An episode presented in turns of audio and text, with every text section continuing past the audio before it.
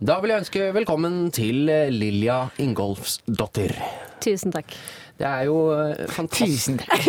Ja, ja, se her, ja. Her er vi god tone ned med en gang. Eh, Så hyggelig at du kunne komme hit i Bestevenn. Vi har jo blitt kjent med deg via Steinjo sin dagbok. Eh, Men var du klar over hvor forelska Steinjo var i deg, Lilja? Altså, nå er jo Steinjo er jo en mann som er litt sånn taken by the moment.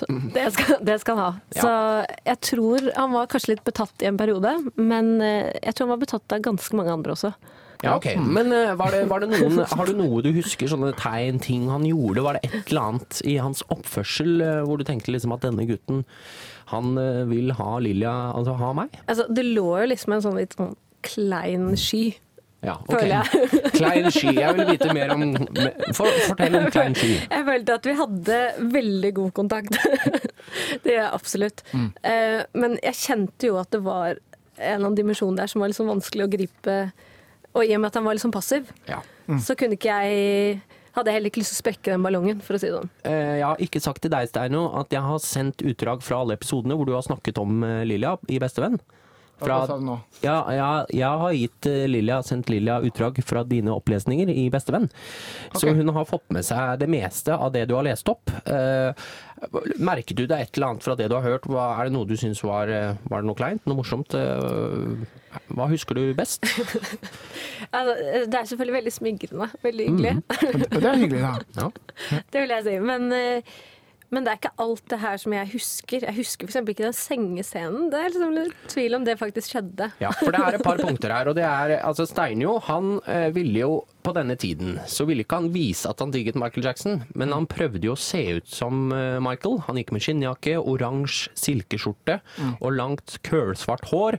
Men, Men- men nå- så du det, Lilja, veldig tydelig? Altså, jeg har aldri egentlig skjønt at det var Michael Jackson han prøvde å ligne på. Okay. Fordi han, Men det skjønner jeg senere i ettertid. Men jeg, jeg hadde litt sånn heavy metal-følelse når jeg så han.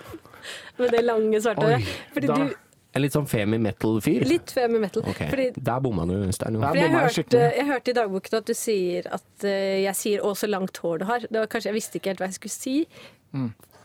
Han har jo skrevet eh, at han likte The Doors, Cream, Jimmy Hendrix for å imponere deg.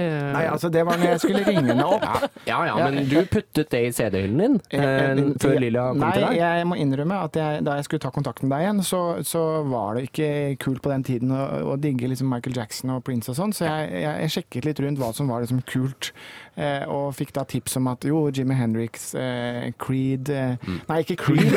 Unnskyld, Det jeg var mener- veldig kult. Det var litt for tidlig, tror jeg. Sorry, Cream, mener jeg. Og hva er det det heter? Eh, eh, det, nå var det mer også. Jo, Door, Ja, The, The Doors. Doors. Det husker jeg ramset opp da jeg ringte deg, så ramste jeg opp, for du spurte selvfølgelig da hva slags musikk hører du, hører du på om dagen, og så ramste jeg opp disse. Vi skal snakke mer eh, med Lilja eh, etter dette.